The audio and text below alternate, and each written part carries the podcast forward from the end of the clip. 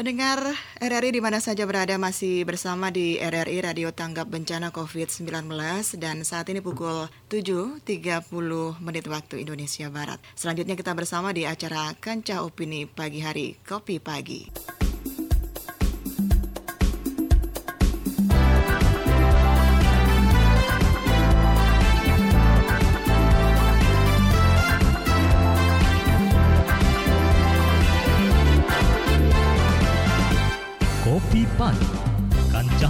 Pagi Hari.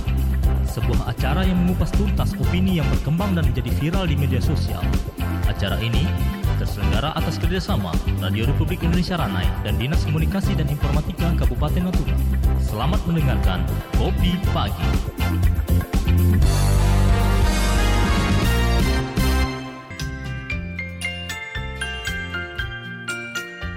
Pendengar, Sejumlah daerah di Indonesia telah mengakhiri masa pembatasan sosial berskala besar (PSBB) dan mulai memperlakukan kebijakan new normal atau transisi. Pemerintah pusat melalui Menteri Dalam Negeri telah menerbitkan aturan nomor 440 sampai 830 tahun 2020 sebagai pedoman tatanan new normal, produktif dan aman dari COVID-19. Transportasi publik, tempat-tempat ibadah, perkantoran, dan tempat-tempat hiburan seperti mal dan tempat-tempat wisata sudah mulai dibuka. Namun, dengan protokol kesehatan yang ketat, sektor pendidikan pun tidak luput dari rencana penerapan kebijakan new normal. Sehubungan dengan hal tersebut, Komisi Pelindungan Anak Indonesia, KPAI, juga telah mengajukan beberapa usulan kepada pemerintah pusat. Di antaranya adalah untuk menunda kebijakan pembelajaran tatap muka di tengah wabah COVID-19.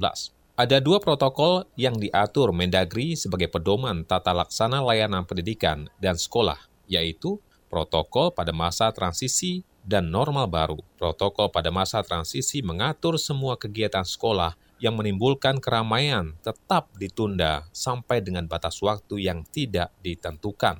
Tata kelola pembelajaran akademik tetap dilaksanakan secara online pihak sekolah melakukan pemantauan dan pemetaan alamat rumah siswa dan berkoordinasi dengan Pemda untuk memfasilitasi angkutan siswa ke sekolah, lembaga pendidikan publik, dan swasta termasuk pendidikan tinggi untuk tetap memfasilitasi pembelajaran secara online, pendanaan, serta penelitian dan pengembangan kurikulum, pemantauan, dan evaluasi pada masa normal harus tetap disediakan pemerintah daerah. Untuk protokol normal baru ini dilaksanakan dengan beberapa cara sebagai berikut, yaitu tetap melakukan pengukuran suhu tubuh di semua area di mana dua orang atau lebih akan berkumpul, menginstruksikan kepada warga sekolah untuk menerapkan perilaku PHBS, mencuci tangan dengan sabun dan air mengalir, tetap menggunakan masker tanpa terkecuali, membersihkan ruangan dan lingkungan sekolah secara rutin, sesuai dengan protokol kesehatan pencegahan COVID-19. Menyediakan area isolasi sementara untuk warga sekolah yang tiba-tiba mengalami gejala sesak napas, demam, batuk, atau pilek. Kabupaten Natuna saat ini masih menyandang kabupaten dengan predikat zona hijau. Untuk sektor pendidikan, Dinas Pendidikan Kabupaten Natuna masih memperlakukan pembelajaran di rumah dengan cara daring kepada seluruh PAUD SD sederajat, SMP sederajat, dan SMA sederajat yang ada hingga 13 Juni 2020. Hal ini sesuai dengan edaran Bupati Natuna tertanggal 28 Mei 2020 bernomor 44 garing 181 garing Disdik garing Deknas garing 5 2020 tentang kebijakan pendidikan dalam masa darurat penyebaran COVID-19 di lingkungan Dinas Pendidikan Kabupaten Natuna. Dan pendengar, ada beberapa hal yang akan menjadi pertanyaan di masyarakat. Benarkah demikian? Kopi Pagi edisi hari ini Jumat tanggal 12 Juni 2020 akan coba membahasnya untuk Anda.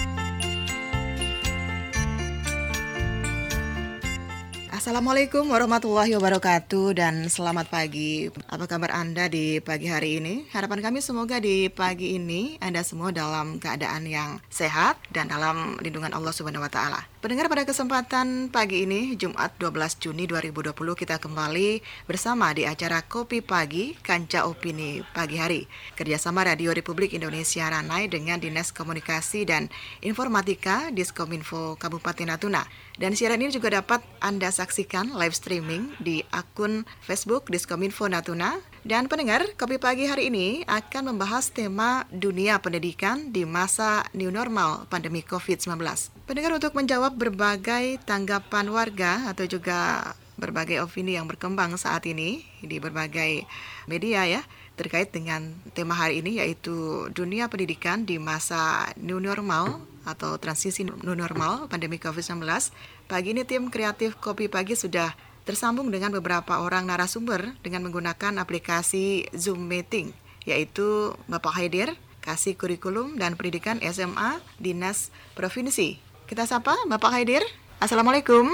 Ya, selanjutnya ada juga Ibu Sri Riawati, PLT Kabit Dikdas Pendidikan Kabupaten Natuna. Selanjutnya kita juga menghadirkan narasumber yaitu Bapak Tarmiji SAG, penanggung jawab Divisi Data dan Informasi di KPPAD Kabupaten Natuna. Dan kita juga menghadirkan narasumber dari Kepala Kantor Kementerian Agama Kabupaten Natuna, Bapak Ahmad Hussein.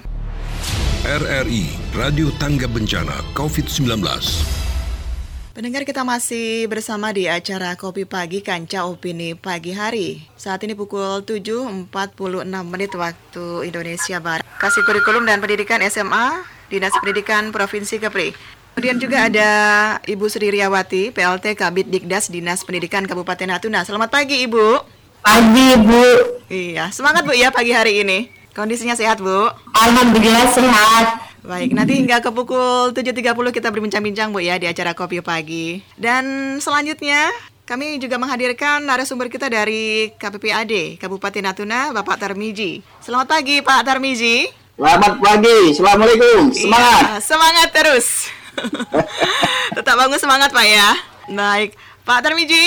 Tadi kan bilang semangat Ya. nih. Nah, kuncinya biar semangat dan sukses apa nih? Atau semangat dan sehat seperti apa Pak Tarmiji? Semangatnya kita harus banyak berdoa, ikhlas dalam dalam beramal. Iya. Ya, semuanya itu mendukung untuk bagaimana pikiran kita menjadi segar, fresh, jadi Mhm. kita selalu sehat dalam Iya. beraktivitas. Oh, iya, cocok nih jadi motivator Pak. Oh, udah, memang udah motivator gitu. Baik, kita beralih ke Pak Haidir. Selamat pagi, Pak Haidir. Alhamdulillah, selamat pagi. Assalamualaikum warahmatullahi wabarakatuh. Waalaikumsalam. Sehat Pak pagi ini? Alhamdulillah sehat walafiat. Mudah-mudahan kita semuanya diberi kesempatan kesehatan oleh Allah Subhanahu wa taala. Amin. Amin. Iya, kali kedua Pak ya di Kopi Pagi. Ya, Bu, terima kasih atas undangannya. Mm-mm. Nanti lebih sering Pak ya. Insya Allah. Iya. Pak, kita bincang-bincang nih tentang pendidikan ya Pak ya. Eh, kita sapa dulu nih Pak Ahmad Husin. Selamat pagi Pak Ahmad. Pak Ahmad? Halo. Halo. Assalamualaikum. Waalaikumsalam warahmatullahi wabarakatuh. Iya, pagi ini bagaimana Pak? Sehat Pak? Alhamdulillah luar biasa sih. Iya, tadi Pak Tarmiji bilang harus eh, diawali dengan doa ya penuh semangat dan jaga pikiran. Kalau Pak Tarmiji sendiri bagaimana? Fresh sekali kayaknya pagi ini. Alhamdulillah. Oh, Pak mudah. Tarmiji, Pak. Ya, Pak Ahmad berkat- gimana nih? Ya, berkat Ramadan. Ya, berkat Ramadan yang kita kerjakan eh, yang lalu berdampak positif kepada yang cara berpikir kita, sehat kita, sehingga kita menjadi fresh lah. Belum masuk. Iya, kita ke Pak Haidir, Pak. Iya, Bu. Iya, sesuai dengan Iya, topik iya. kita di pagi hari ini, Pak ya. Dunia pendidikan di masa new normal pandemi COVID-19. Nah, sebelumnya kami mau tanya nih, Pak. Kalau di masa transisi pandemi corona ini atau masa transisi new normal ini, ada berapa strategi sih, Pak, yang sudah disiapkan oleh Dinas Provinsi Kepri? Eh, Alhamdulillah kita dalam menyambut pasca eh, COVID-19 ini Mhm. kita akan menyambut masa new normal ya Bu ya. Mm-mm. di mana kalau pendidikan hari ini tetap jalan seperti biasa, namun beberapa hal yang perlu kita di mana perhatikan, nih? ya Ini. antara lain kita harus menyiapkan ini dulu Kita sekolah atau satuan pendidikannya untuk Mm. menghadapi masa new normal ini, di mana sekolah benar-benar siap kan hanya sekedar nanti balik ke masa sebelumnya. Nah, yang dikhawatirkan itu kan masuk ke masa sebelumnya lagi, balik lagi dari nol.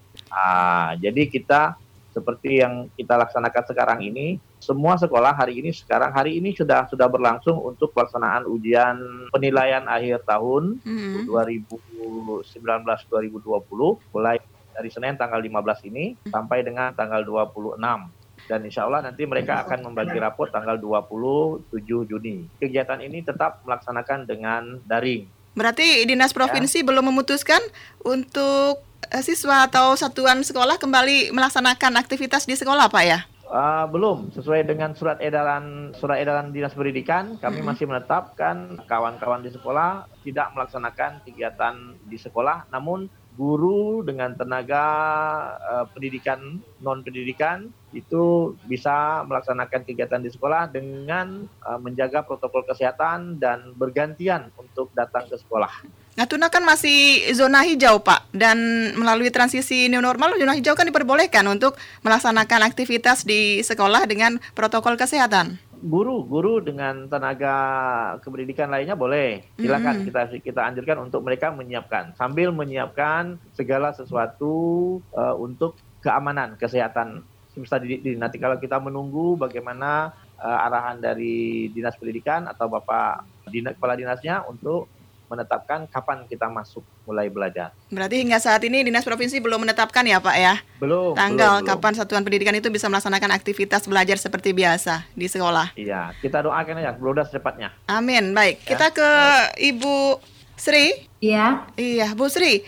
Ada surat edaran bahwasanya perpanjangan libur sekolah ini kan hingga tanggal 13, Bu ya. Nanti tanggal 13 murid atau siswa kembali ke sekolah atau bagaimana perpanjangan lagi, Bu?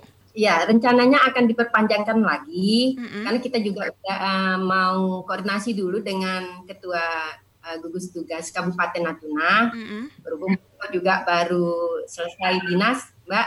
Jadi kita sudah mempersiapkan draft untuk memperpanjang.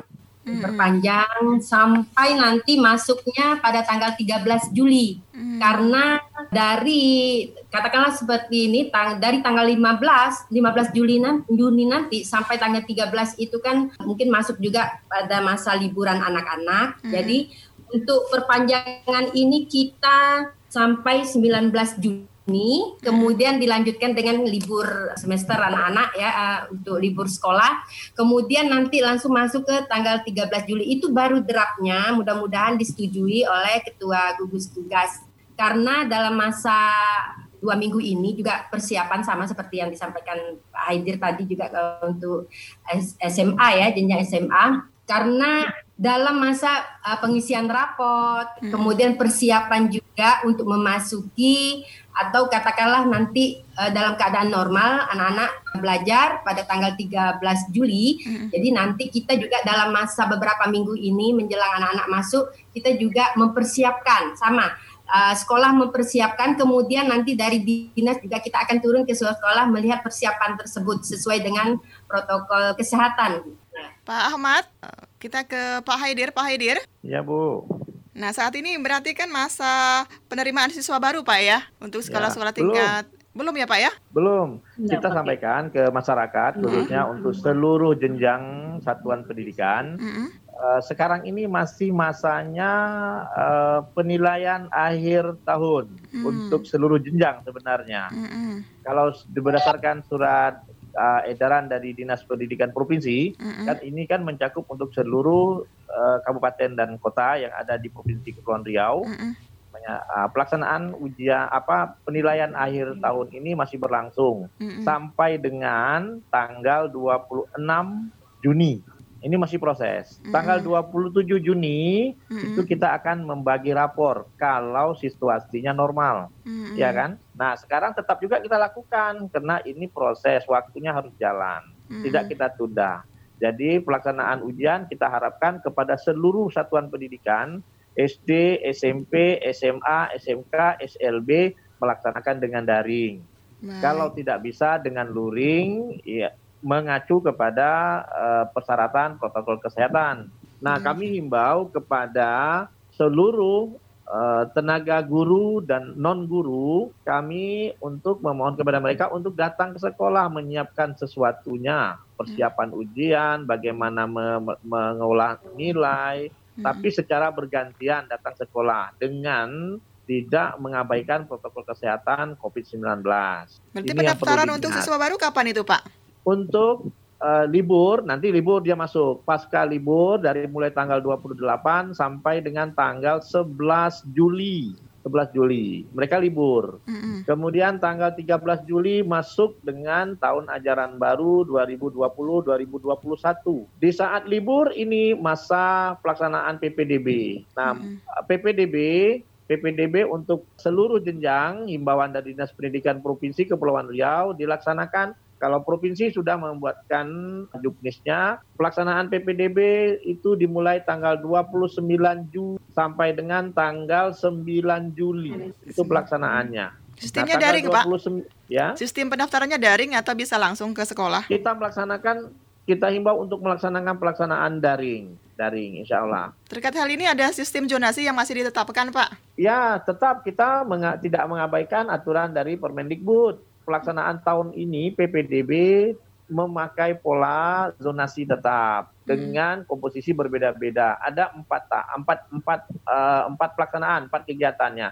Pertama, mereka boleh mendaftar dengan jalur dari zonasi lebih kurang 50%, eh minimalnya 50%, kemudian dengan afirmasi 15%, kemudian dengan perpindahan orang tua 5%, kemudian dengan jalur prestasi 30%. Baik, Nah, ini ya. ini yang mereka lakukan dan itu semuanya melaksanakan kegiatan seperti itu karena itu adalah aturan amanah dari Permendikbud Hmm. dari menteri kita.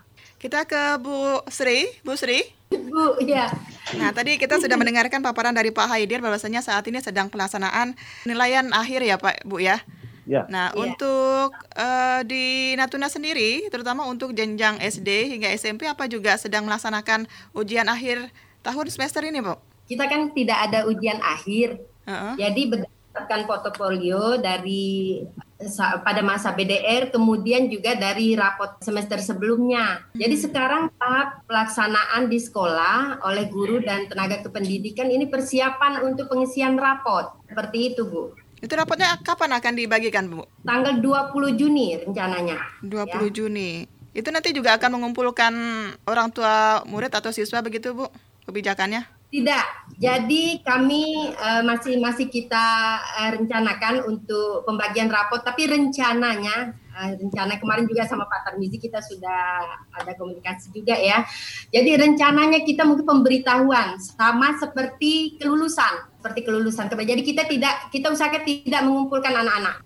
Eh, Makanya saya tadi kita juga sudah membuat draft karena memang eh, dalam masa katakanlah BDR sampai tanggal 19 kemudian dilanjutkan eh, dengan libur ya. Jadi tidak ada mengumpulkan anak-anak. Usahakan tidak ada. Baik, kita ke Pak Tarmiji. Pak Tarmiji, kita tahu saat ini kan pemerintah melakukan kebijakan untuk eh, meliburkan ya atau melaksanakan sistem sekolah melalui daring kepada eh, siswa-siswa adanya pandemi corona ini Pak Tarmiji. Nah, dalam pandangan KPAD sendiri Pak terkait adanya proses belajar seperti ini bagaimana Pak? Ya, terima kasih Ibu dari RRI. Tadi belum kenalan siapa namanya ini. Ya, bersama Yuspianti, Pak. Ya, Bersama Siapa? Ibu Yustianti. Iya. Iya, kami dari komisioner eh, dari Komisi Pengawasan Perlindungan Anak Daerah Natuna mempunyai suatu kepahaman bahwa anak adalah segala-galanya yang harus kita selamatkan. Anak-anak ini adalah aset kita. Apa pun apa pun yang harus kita korbankan demi anak-anak ini harus kita lakukan.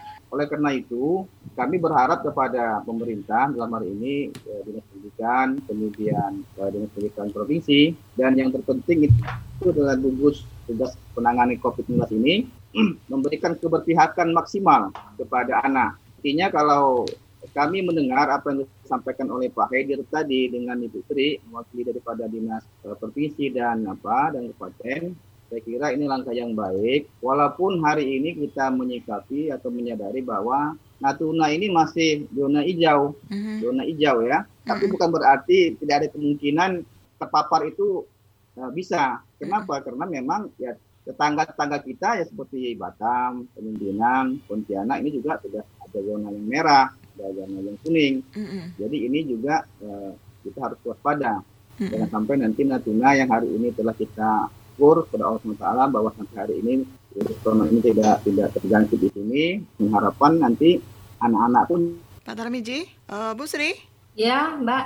setelah nanti ada pembak pembagian rapot kepada siswa, nanti ada kembali melaksanakan aktivitas di sekolah pada 13 Juli ya Bu ya. Ini program yang akan dilaksanakan seperti apa? Jadi untuk persiapan tanggal 13 Juli kita sudah menyampaikan juga ke sekolah-sekolah bahwasanya mempersiapkan uh, untuk protokol kesehatan tersebut. Kemudian karena kita PPDB kita pada tanggal 1 Juli pendaftaran, nah, jadi sebelum 1 Juli itu semuanya sudah harus dipersiapkan sebelum 1 Juli. Karena 1 Juli PPDB kita kemudian sampai masuknya anak-anak. Jadi sebelum PPDB itu kami sudah nantinya kami akan eh, rencananya akan turun ke sekolah-sekolah melihat persiapan untuk PPDB, terutama untuk eh, protokol kesehatan. Nah, seperti itu. Jadi sebelumnya kami sudah menyampaikan, kemudian sekolah juga sudah tahu bahwasanya mereka harus mempersiapkan eh, protokol kesehatan ya seperti untuk cuci tangan, kemudian menye- menyediakan hand sanitizer, terutama anak-anak harus memakai masker. Jadi memang arahan kemarin dari Bapak Kepala Dinas bahwasanya eh, satu anak itu minimal tiga masker. Jadi setiap hari berganti. Ya, jadi dan harus dicuci ya. Eh, kita sudah menyampaikan ke sekolah-sekolah juga bahwa seperti itu karena eh, apalagi adanya perubahan Permendikbud tentang juknis pengelolaan BOS bahwasanya di situ di eh, silakan silakan untuk mengadakan al- uh, sarana uh, untuk protokol kesehatan. Jadi sekolah-sekolah sudah kita sampaikan untuk merubah rencana kerja sekolahnya, rencana anggaran sekolahnya ya untuk penggunaan dana bos tersebut. Jadi tidak ada alasan lagi uh, sekolah uh, untuk tidak menyediakan protokol kesehatan tersebut. Iya. Seperti itu. Nah, selain tadi cuci tangan atau juga melaksanakan protokol kesehatan ya yang dianjurkan oleh pemerintah, jaga jarak kan juga dianjurkan oleh pemerintah dalam upaya mencegah pandemi corona. Nah, sistemnya bagaimana? Kita tahu bahwasanya satu kelas itu kan ada beberapa siswa dan juga biasanya satu bangku itu dua orang. Nah, adakah hal-hal yang diterapkan terkait pandemi corona ini? Iya. Jadi kita juga eh, dalam PPDB nanti mulainya ya katakanlah mulainya dari PPDB pada saat penerimaan murid baru ya peserta sekolah eh, baru eh, kita sudah mengatur mengatur duduknya minimal satu meter ya eh, antara satu dengan yang lain kemudian begitu juga dengan jarak guru ya. Jadi kita usahakan seperti itu. Jadi nanti ada jadwal yang berbeda begitu terhadap siswa gitu, Bu, atau penambahan apa waktu jam belajar? Kalau masalah jam belajar saat ini masih masih seperti biasa. Kita tidak tahu ya untuk untuk beberapa menjelang masuk sekolah mungkin ada kebijakan baru lagi. Tapi untuk masa belajar nanti masih seperti biasa. Tapi kalau misalnya masalah untuk protokol kesehatan, masalah jarak apa semua nanti kita sesuaikan dengan ruangan. Tapi kalau untuk dalam satu kelas sudah ada maksimalnya misalnya SD misalnya harus 28 maksimal ya. Kemudian eh, SMP harus 32 orang. Jadi kita sesuaikan nanti. Kita ke Pak Ahmad, Pak Ahmad. Ya, Assalamualaikum. Mohon maaf ini Pak Ahmad tak bisa ada kegiatan lain. Iya, bersama Jadi siapa? kami dari pendidikan, bidang pendidikan mewakilinya, Dengan siapa, Ibu? Ibu Ida. Baik, untuk Kemendak sendiri pada bidang pendidikannya bagaimana kebijaksanaannya, Bu? Masa transisi new normal Baik, ini. terima kasih. Terima kasih pada narasumber yang telah memberikan kesempatan. Untuk Kementerian Agama, pada prinsipnya itu kita memang mengacu, tetap mengacu pada kebijakan dari Dinas Pendidikan. Jadi artinya untuk tingkat RA, MI, MTS itu mengacu pada Dinas Pendidikan Kabupaten Natuna dan untuk MA itu pada provinsi. Nah, itu pada prinsipnya seperti itu. Namun kalau untuk masalah sistem kerja dan lain sebagainya itu kita juga punya edaran surat edaran Menteri Agama nomor 16 itu juga itu sudah diatur bagaimana sistem kerja dalam tatanan normal baru. Nah, itu memang kita diatur Eh, meskipun kita masih dalam zona hijau itu kalau untuk masalah pendidikan saat ini kita belum ada perubahan, belum ada uh, peraturan baru, sehingga peraturan yang terakhir itu hingga tanggal 13 ya tinggal 13 anak masih melaksanakan belajar di rumah. Nah itu. Jadi mungkin kita nunggu lagi surat mungkin dari provinsi ataupun dari pusat ya biasanya setelah itu ada edaran lagi baru siang ini atau sore itu baru ada jadi untuk sementara di Kementerian Agama itu eh, seperti biasa tetap mengacu pada kebijakan dinas pendidikan sesuai dengan protokol kesehatan. Untuk pendengar kita juga yang ingin bergabung, kami persilahkan di 082276073288 di 082276073288. Silahkan ya, ada pertanyaan kepada narasumber kita. Baik, kita menuju ke Pak Haidir. Pak Haidir. Iya, Bu. Nah, terkait tadi program yang akan dilaksanakan pada tanggal 13 Juli ya, siswa atau ya. juga guru akan kembali melakukan aktivitas di sekolah.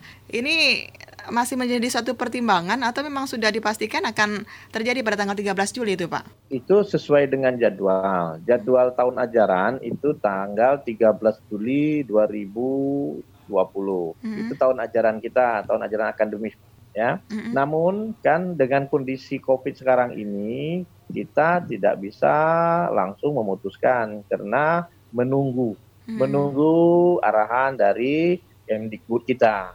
Sampai hari ini belum ada eda, apa, arahan beliau bahwa eh, dari Kemdikbud itu uh, menyatakan bahwa tanggal 13 itu akan diperpanjang atau kita harus masuk.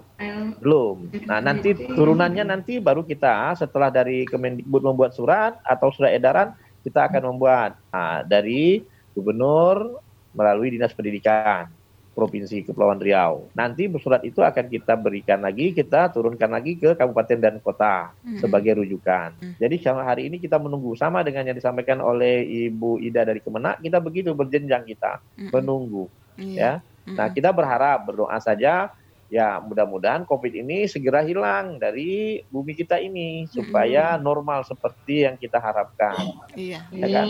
Nah sama dengan hari ini ujian juga kita tidak boleh melaksanakan anak-anak walaupun mohon maaf di Kabupaten Natuna sekarang ini zona hijau siswa tidak dibenarkan untuk masuk karena untuk mencegah jangan sampai terjadi yang tidak kita inginkan. Nah, ujiannya aja hari ini kita persilakan pakai daring. Sama yang disampaikan oleh teman kita dari Dinas Pendidikan eh, Kabupaten Natuna tadi, ujian itu daring itu kalau tak bisa ada surat edaran nomor 4 Menteri terdahulu yang pertama COVID. Gunakan itu, hmm. penilaian itu. Kita tahu bahwasanya hari ini tujuan di sekolah untuk proses pengajaran, tujuan belajar itu hari ini memang tidak tercapai. Itu kita maklumi dengan kondisi hari ini. Mm-hmm. Tapi bagaimanapun proses tetap berjalan. Pembagian raport harus, tapi mm-hmm. pembagian raport tidak harus orang tua datang. Mm-hmm. Cukup memberitahu dengan sarana yang ada. Kalau tidak bisa cukup dengan pemberitahuan saja bahwa anak itu naik kelas. Mm-hmm. Udah saya kira seperti itu yang paling sederhana. Ya Pak Hidir. kelas kah atau naik kelas? Ya, ya Pak Hidir. Tadi sampaikan maksudnya ujian ini sistemnya online ya atau daring. Nah bagaimana ya. siswa yang berada pada tempat yang bisa dikatakan sinyalnya kurang begitu Pak? Enggak tadi sama dengan disampaikan oleh Ibu uh, dari Natuna dari Dinas Pendidikan, penilaian ini tidak hanya ujian hari ini. Mm -hmm. Di Permen Permen uh, Surat Edaran Nomor 4 tahun 2020 terdahulu itu menyatakan ujian untuk mengisi nilai raport itu besok tidak hanya dengan ujian saja, bisa hmm. dengan portofolio, dengan yeah. penugasan hmm. dan lain-lain. Itu kita kembalikan dengan kebijakan guru di sekolah masing-masing bagaimana untuk menilai. Ya? Kalau tidak bisa ujian jangan dipaksakan ujian, cukup dengan tugas dan segala macam. Baik, itu kebijakannya ya? Pak ya. Hmm. Ya. Ya, baik. Kita ke Pak Tarmiji. Pak Tarmiji, waktu ya. libur atau juga kebijakan dilakukan pemerintah terhadap siswa untuk tidak melakukan aktivitas di sekolah cukup panjang ya. Oh sudah ada yang bergabung, kita sapa pendengar kita dulu. Halo, selamat pagi. Pagi, Assalamualaikum. Iya, dengan siapa? Di dengan mana? Pak Sabar Rane Darat. Pak Sabar di Darat. Apa kabar Pak Sabar? Alhamdulillah sehat. Iya, silakan Pak pertanyaannya. Uh, ya, uh, selamat pagi. Assalamualaikum para narasumber yang hadir pada pagi hari ini. Waalaikumsalam Saya sedikit aja yang ingin saya tanyakan dan ingin cari, um, ingin mencari solusi bersama mengenai daripada hal anak didik kita uh, yang mau menghadapi ujian, baik ujian apa uh, pertama kali ujian naik kelas. Jadi kita mengkhawatirkan baru-baru new normal ini kita ingin mengaktifkan sekolah dengan catatan uh, mengikuti peraturan protokol kesehatan. Akan tetapi kita mengkhawatirkan bahwa anak-anak, maklum anak-anak ini datang ke sekolah belum tentu dia bisa mematuhi itu.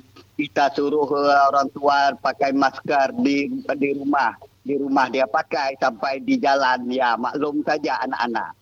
Kita sangat mengkhawatirkan. Kenapa? Karena anak-anak ini sangat lemah daya tahan tubuh untuk mencegahkan penyakit tersebut. Itu sangat kita khawatir. Jika kalau bisa, saya selaku orang tua ingin menyarankan apakah nggak bisa sistem ujian itu sistem door to door, sistem door to door untuk mencegah daripada uh, penyebaran virus tersebut yang sangat membahayakan ini. Ini yang sangat kita resahkan. Hmm. Uh, itu aja yang dapat saya sampaikan. Kalau bisa uh, sistem door to door. Uh, kalau online maklum aja ya anak uh, orang tua dan anak-anak belum tentu mempunyai semua Android segala macam kan. Mm -hmm. uh, jadi bagaimana caranya? Uh, gitu aja saya rasa. Lebih kurang mohon maaf. Assalamualaikum warahmatullahi wabarakatuh. Iya, Waalaikumsalam warahmatullahi wabarakatuh. Sebenarnya perlu diluruskan ya. Pak Sabar bahwasanya tidak ada ujian yang dilakukan di sekolah. Tadi ada beberapa kebijakan yang dilakukan pemerintah. Di antaranya dari nilai rapot sebelumnya, kemudian juga tugas-tugas ya. Dan juga boleh melalui sistem daring atau online. Nah, Pak Tarmiji, ingin ya. menanggapi apa yang disampaikan Pak Sabar silahkan. Ya, saya kira apa yang disampaikan Pak Sabar itu benar. Artinya itu mewakili keresahan uh, orang tua. -hmm. Tapi alhamdulillah Satuan Pendidikan baik itu di provinsi maupun kabupaten telah membuat langkah-langkah yang sepertinya pro lah dengan bagaimana anak-anak ini kan termasuk susah juga untuk kita edukasi. Nanti apalagi di PAUD TK bisa saja nanti dia tukar-tukar masker dan sebagainya. Yang kamu warna pink yang saya warna ini. Ini persoalan-persoalan. Berkaitan dengan ujian tadi saya sudah mengikuti dari awal. Ya sepertinya ujian ini kan ditiadakan. Mm-hmm. Hanya cara penilaian sudah diberikan secara caranya oleh dinas pendidikan tadi dengan mengumpulkan rapor dan sebagainya. Artinya tidak ada proses uh, ujian. Kemudian yang yang menarik itu sebenarnya bukan itu. Yang menarik itu sekarang adalah ketika diberikan belajar di rumah sejauh pemantauan kami memang orang tua daripada uh, wali-wali murid ini juga kewalahan juga uh, karena anak-anak ini kan sering keluar rumah juga bermain berkumpul walaupun dilarang. Nah, jadi ini juga ya, susah dan sekolah juga sudah tidak lagi bisa menjangkau itu. Mm-hmm. Tinggal hari ini bagaimana orang tua menambahkan tanggung jawabnya atau memperkuat tanggung jawabnya agar anak ini juga jangan jangan seperti suasana normal. Walaupun kita ini masih uh, zona hijau, bukan berarti kita anak-anak ini harus bebas berkeliaran, berkumpul di mana tempat-tempat keramaian. Nah, ini ini penting karena akhir-akhir ini ada kecenderungan seperti itu. Jadi kami dari komisioner berharap melalui Pak Sabar ini tolong nanti sampaikan dengan teman-teman juga bahwa uh, mengambil tanggung jawab ini memang agak berat, tapi mau tidak mau suka tidak suka harus dipikul. Karena bagaimanapun juga anak-anak ini ada anak-anak kita.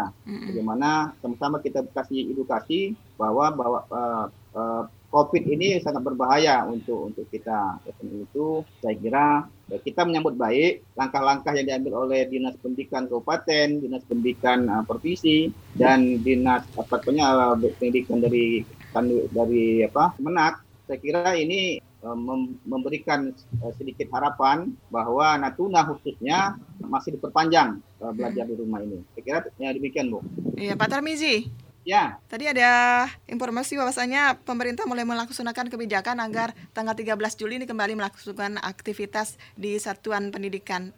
KPAD sendiri setuju Pak terkait adanya kebijakan ini nantinya? Saya kira kalau memang sudah kita evaluasi, ya kita setuju saja dengan dengan, dengan melakukan uh, pendekatan protokol kesehatan yang betul-betul bisa kita kita pertanggungjawabkan Nah ini sangat penting. Namun barangkali kami berharap untuk peserta didik PAUD TK ini kalau bisa memang ditunda karena ini agak-agak susah untuk anak-anak ini kan.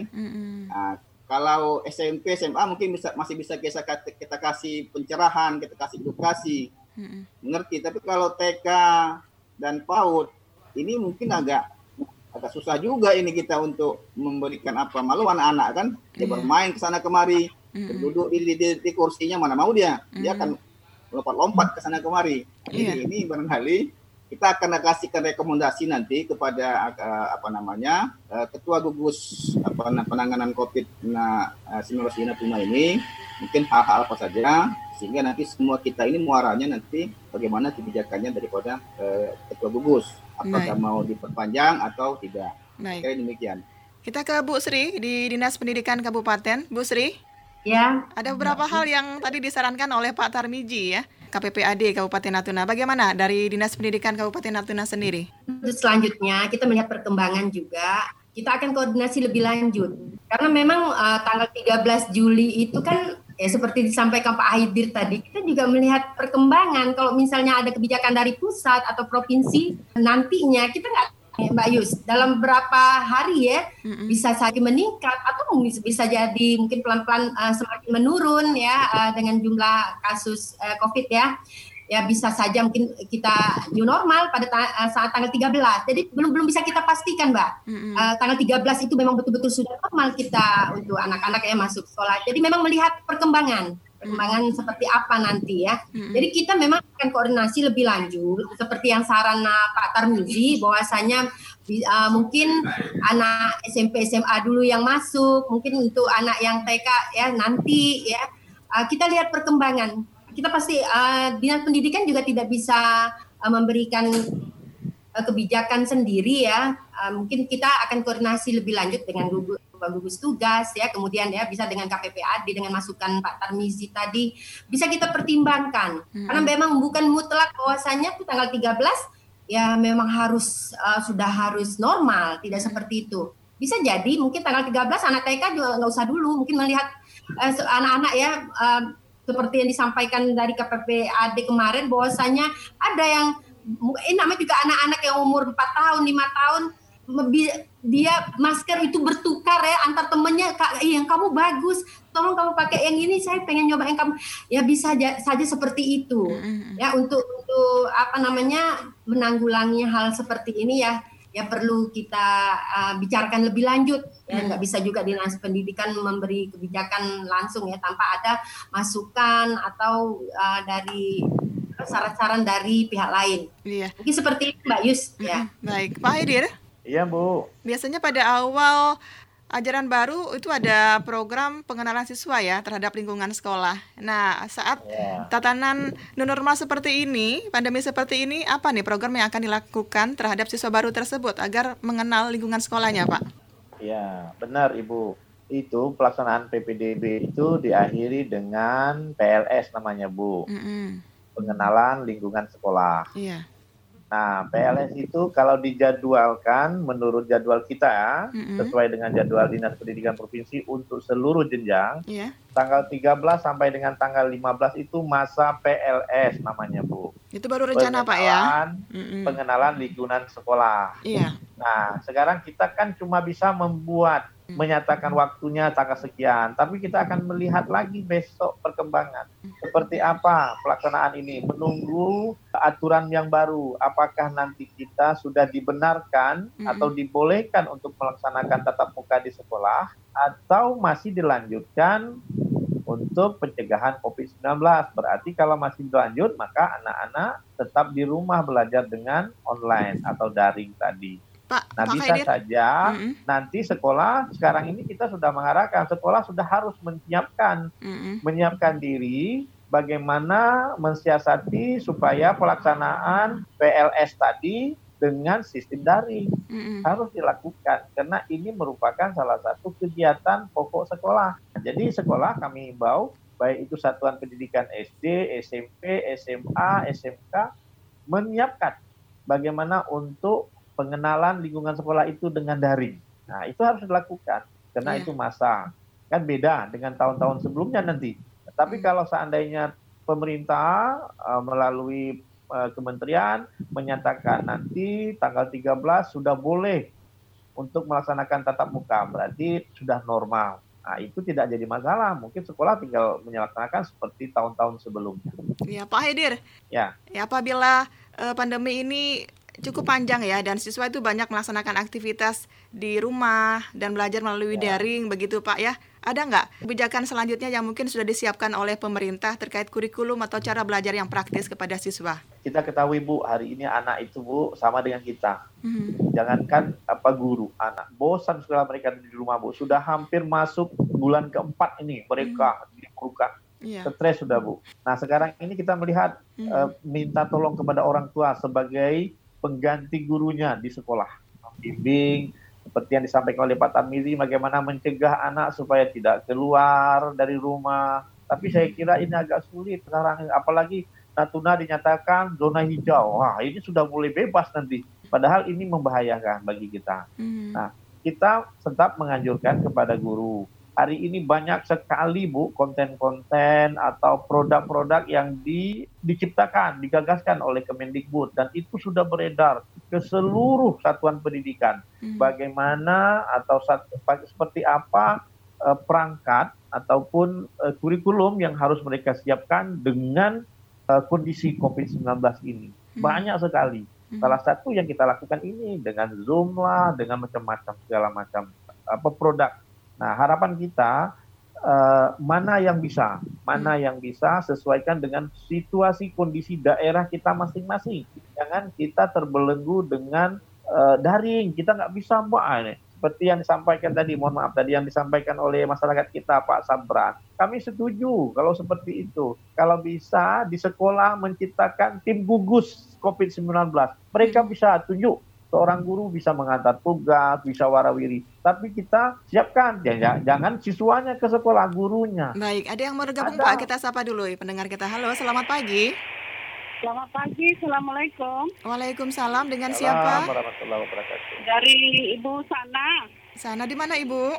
Di Ranai Kota, Bu. Di Ranai Kota. Baik, silakan Ibu pertanyaannya kepada narasumber kita. Baik, terima kasih. Selamat pagi seluruh narasumber saya ingin bertanya untuk uh, Ibu Sri Riawati, hmm. Kabit Dinas, bahwa selama tidak ada proses belajar mengajar, baik di sekolah swasta maupun negeri, apakah pihak sekolah itu berhak meminta berupa uang sumbangan, uang baju atau lain sebagainya serta uang buku. Hmm. Kemudian untuk yang pastinya untuk Pak Haidir, kapan sih anak-anak bisa belajar Pak? Saya kasihan anak-anak di rumah kerjanya main terus, suruh belajar sudah lupa kali. Terima kasih. Assalamualaikum. Iya, waalaikumsalam ya. Ini seperti menyuarakan hati ibu-ibu ya, yang mungkin anaknya lebih banyak beraktivitas di rumah gitu. Apalagi nah, sudah dalam jangka waktu yang cukup lama, Pak Hidir. Bisa langsung ditanggapi, Pak? Ya, itu tadi saya sampaikan ke Ibu. Memang betul yang sampaikan oleh Ibu. Karena hari ini anak aja udah bosan, Bu. Jangankan anak kita sendiri udah bosan di rumah ini. Mm-hmm. Ya, bagaimana kita menyikapi ini? Kasihan. Kita berdoa saja, Bu, sama-sama. Kita berharap supaya COVID segera hilang dari bumi ini. Supaya kita bisa seperti hidup normal seperti sedia kala. Kita ke Bu Sri di Dinas Pendidikan Kabupaten Natuna.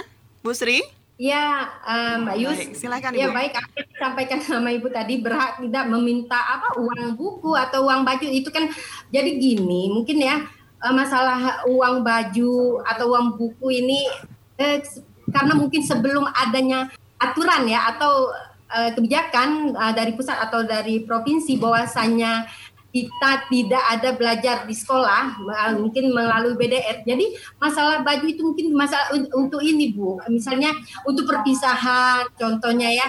Jadi udah pesan baju duluan. Jadi kalau sudah pesan duluan barangnya udah datang ya harap dimaklumi ya ya mohon di ini saja ya karena saya anak saya juga seperti itu untuk apa lagi uang baju seperti itu ya Bu ya karena dia bilang mak ini harus ini nih masih kurang 100 ya tapi karena sudah terpesan ya mau mau nggak mau kita bayar bu. Karena kasihan juga ya barangnya sudah datang tapi nggak kita bayar. Ya nggak apa-apa lah. Mungkin itu misalnya baju perpisahan. Malah ada misalnya menanyakan boleh nggak cuma foto saja? Ya kalau misalnya dengan kita mengikuti saya sudah sampaikan silakan saja mau foto dengan baju perpisahan supaya ada kenang-kenangan ya. Memang banyak yang guru-guru ya kepala sekolah menyampaikan seperti itu sebagai kenang-kenangan. Jadi saya menganjurkan ya silakan saja tapi dengan waktu sesingkat-singkatnya kemudian dengan uh, mengatur duduknya berdirinya minimal satu meter tadi silakan. Dengan mungkin dengan uh, ruangan atau di, di halaman saja. Ya, ya ya ada perasaan kasihan juga ya. Tidak ada kenang-kenangan seperti itu. Terutama yang anak kelas 6, anak kelas 3 ya, SMP ya. Seperti itu. Tapi kalau sudah barangnya sudah terpesan ya, mohonlah Ibu ya dibayarlah. Karena saya juga sebagai orang tua juga seperti itu. Kan kasihan sudah pesan tapi tidak dibayar karena memang sudah kesepakatan awal sebelum adanya aturan ini bahwasanya tidak ada belajar mengajar di sekolah hmm. sebelum ada BDR lah seperti itu Bu. Kalau untuk satuan pendidikan yang mungkin eh, siswa atau orang tua yang akan mendaftarkan muridnya Ibu untuk uang buku begitu atau juga hal hal-hal lain. Mungkin itu itu belum ada kebijakan seperti itu. Belum ada. Karena ya kalau untuk uh, eh, PPDB nanti ya tanggal 1 Juli ya rencananya kalau tidak ada halangan -hmm. ya, karena kita masih mengikuti uh, kalender pendidikan. Karena itu juga pada saat pendaftaran sudah kita atur, ada uh, eh, SE-nya sudah kita sampaikan. Mm-hmm. Tempat duduknya malah uh, apa namanya market untuk duduk anak guru mungkin masuknya berapa orang mm. itu sudah ada. Baik, kita jadi atur. untuk hal tersebut sebenarnya belum disiapkan ya. Ya, belum sampai eh, ke situ masalah untuk pembelian buku ya. Mungkin Baik. nanti ada lagi kebijakan yang uh, selanjutnya. Jadi seperti itu. Baik, kita ke kantor Kementerian Agama, Bu Ida. Baik, ada yang coba bergabung. Kita sapa dulu pendengar kita. Halo, selamat pagi. Terputus. Baik, sayang sekali. Tadi sudah coba bergabung. Baik, kita ke Bu Ida. Bu Ida. Ya. Baik, untuk Kementerian Agama sendiri bagaimana, Bu? Terkait apa yang disampaikan oleh Ibu Sana tadi? Uh, pertama, kami akan uh, menambah dari apa yang disampaikan oleh para narasumber, terutama apa yang ditanyakan oleh Pak Sabar dulu ya Bu ya. Nah itu jadi artinya eh, pelaksanaan ujian ataupun belajar itu pada masa COVID itu sebenarnya semua itu sudah diatur. Ada SE Gubernur nomor 420, terus kemudian juga surat dari Dirjen Pendidikan Islam Republik Indonesia itu nomor 686. Nah, itu itu sudah diatur. Artinya apa? Artinya eh, bahwa belajar di rumah itu melalui pembelajaran daring itu bukan berarti kita harus menuntaskan capaian kurikulum itu tidak tapi bagaimana kita memberikan pengalaman belajar yang bermakna. Nah ini ini yang harus dipahami oleh masyarakat. Soalnya banyak ya orang tua tahu waduh gimana ini? Kok belajarnya anu nanti tidak bisa pula, tidak sampai tuntas pula lah ini ini ini yang perlu dipahami oleh masyarakat bahwa belajar melalui daring, belajar di rumah ini tujuannya adalah untuk memberikan pengalaman belajar yang bermakna. Jadi bukan untuk menuntaskan, untuk mencapai kurikulum itu tidak. Jadi uh, menitik beratkan pada apa? Pada kecakapan hidup. Baik, Bu, yang nah, bergabung, Bu. Kecakapan hidup. Halo, selamat pagi. Misalnya. Halo, selamat pagi. Assalamualaikum warahmatullahi wabarakatuh. Waalaikumsalam. Dengan siapa Ibu di mana? Ibu Siti Asma. Ibu Siti Asma. Baik, silakan Ibu. Pertanyaannya. Singkat, Bu ya. Ya, uh, sesuai apa yang disampaikan oleh ibu kasih kami, kami dari madrasah yang me memang tidak punya hidrolit, apa yang disampaikan oleh Bapak, Bapak Sabar tadi, kami dari setiap wali kelas dan saya sebagai yang dituakan di madrasah itu monitor terus, Mbak. Mm-hmm. Jadi artinya kita membuat soal, orang tua nanti kedatang ke sekolah ngambil soal, dibawa dikerjakan di rumah mm-hmm. untuk menambah nilai. Itu itu uh, yang telah kami siapkan dan telah kami laksanakan. Hmm. Jadi intinya kerjasama orang tua dengan guru, uh, kepala sekolah dengan wali kelas dan murid dengan orang tua itu harus uh, saling memberi pengarahan supaya hal ini jangan dikhawatirkan. Semua dari kita, dari khusus, khususnya dari dunia pendidikan. Baik, tidak ada pertanyaan Bu ya. Mm -mm. Baik, baik. Ibu Ida? Iya. Baik, baik kami lanjutkan jadi ya Bu ya. Jadi uh, ini supaya dipahami oleh masyarakat bahwa belajar di rumah itu menitik beratkan pada kecakapan hidup. Apa itu kecakapan hidup? Nah. Misalnya memberikan pemahaman kepada anak bagaimana cara mengatasi corona ini. Hmm. Nah, untuk mencegahnya itu gimana? Terus kemudian pada penguatan penilaian karakter. Nah, ini ini Baik, yang harus kita uh, perhatikan. Terus akhlak dan keterampilan ibadah ini dalam lingkungan keluarga. Nah, Nah, sehingga penilaiannya tidak harus melalui ujian apa tidak bisa diambil nilai rapot pada semester 5 semester baik, baik. apa berikutnya atau dengan penugasan-penugasan. Baik, kita ke Bu Sri. Uh, terus berkait dengan masalah uh, berkait dengan apa yang ditanyakan oleh Bu siapa tadi Bu Sana ya mengenai baju itu ya saya sependapat juga dengan apa yang disampaikan oleh Ibu Sri dari Dinas pendidikan ya. Hmm. Kalau karena itu apa? Karena itu sudah perundingannya sebelum masa Covid. Hmm. Sebelum masa Covid perundingannya sudah dipesan ya mau tak mau bagaimanapun caranya. Namun untuk pendanaan itu biasanya kan kita ada bantuan BOS ya. Jadi BOS itu kan dapat digunakan untuk pemberian buku ataupun seragam anak. Nah, itu itu kita bisa dibantu seperti itu. Baik. Nah. Baik Ibu, terima kasih. Iya, Bu Sri, closing statement ya, kita Ibu dari dialog ya, kita pagi ini. Uh, mungkin statement dari kita ya mudah-mudahan uh, apa masa Covid ini cepat aja berlalu. Hmm. Jadi anak-anak ya seperti sampai Pak Haidir atau Bu Ida tadi sebenarnya risau juga lama di rumah ya kan uh, suntuk Bu. Kemudian karena BDR ini memang juga tidak seperti di sekolah ya kan ada waktu misalnya dikasih tugas pun beliau paling waktunya udah selesai udah jadi kalau di sekolah kan ada waktunya dari jam berapa sampai jam berapa.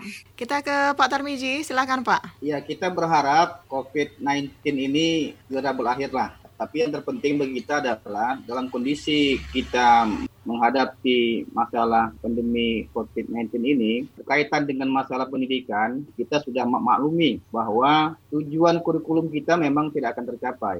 Oleh karena itu, dan itu juga bukan merupakan harusan kita untuk penting bagaimana anak-anak kita ini dalam kondisi yang sangat apa sekarang ini bisa kita selamatkan dari penularan dan pemaparan daripada COVID ini. Nah, mudah-mudahan kita himbau semua masyarakat, orang tua, kita berdoa dengan henti-hentinya agar COVID-19 ini berakhir. Dan kira demikian. Baik, kita ke Pak Haidir. Iya, Bu. Baik, silakan closing statement dan mungkin ada saran terhadap RRI, Pak, untuk memberikan edukasi yang baik, baik dan tepat uh, terkait pemirsa kopi pagi sekalian yang kami banggakan. Uh, pada pagi hari ini, alhamdulillah kita membahas tentang persiapan. Mari kita bersama-sama bergandeng tangan, baik itu pemerintah, masyarakat, semua stakeholder. Mari bergandeng untuk menyelamatkan daerah kita masing-masing. Kemudian kami atas nama Dinas Pendidikan memohon kepada semua masyarakat mendoakan hari ini guru dengan tenaga non pendidikan lagi berjuang untuk menyelesaikan tugasnya sampai akhir semester ini. Mereka menyiapkan nilai, bagaimana menyiapkan pembagian rapor supaya nanti hasil mereka akan sampaikan ke orang tua melalui barangkali dengan daring yang setelah kita bicarakan tadi mungkin dengan SMS dengan segala macam. Itu yang dikejar.